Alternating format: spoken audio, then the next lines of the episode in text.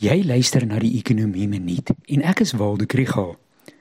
As mens bekommerd is oor die impak van beerdkrag op ekonomiese aktiwiteit, gebeur dit maklik dat ons dalk te min praat oor die ander bekommernis, naamlik inflasie. Hierdie episode word ondersteun deur Predictive Insights en die NWI Sakeskool. Ons weet dat die afgelope jaar se inflasie het begin in die voorsieningsketTINGS bottelnekke van die COVID-19 pandemie en is toe versnel deur die oorlog in Oekraïne wat die pryse van ruolie en voedselkommoditeite skerp laat styg het.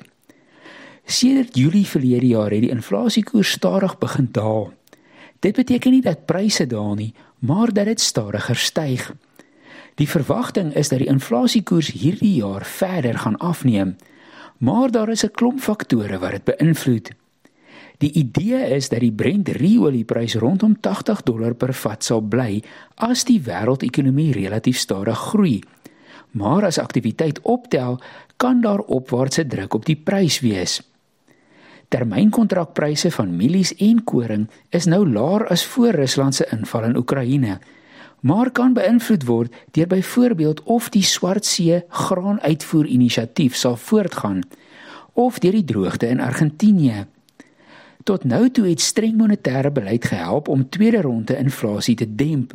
Maar die afgelope week het dit duidelik geword dat die hoë rentekoerse in die FSA hulle banke onder druk plaas en daar is nou die gevoel dat die Fed dalk eers hulle voet van die rem moet afhaal. In Suid-Afrika het ons die bykomende uitdaging dat beerdkrag en bystandkrag produksiekoste verhoog.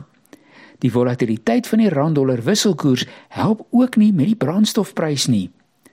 Dit alles los die monetêre beleidskomitee met 'n moeilike besluit aan die einde van die maand.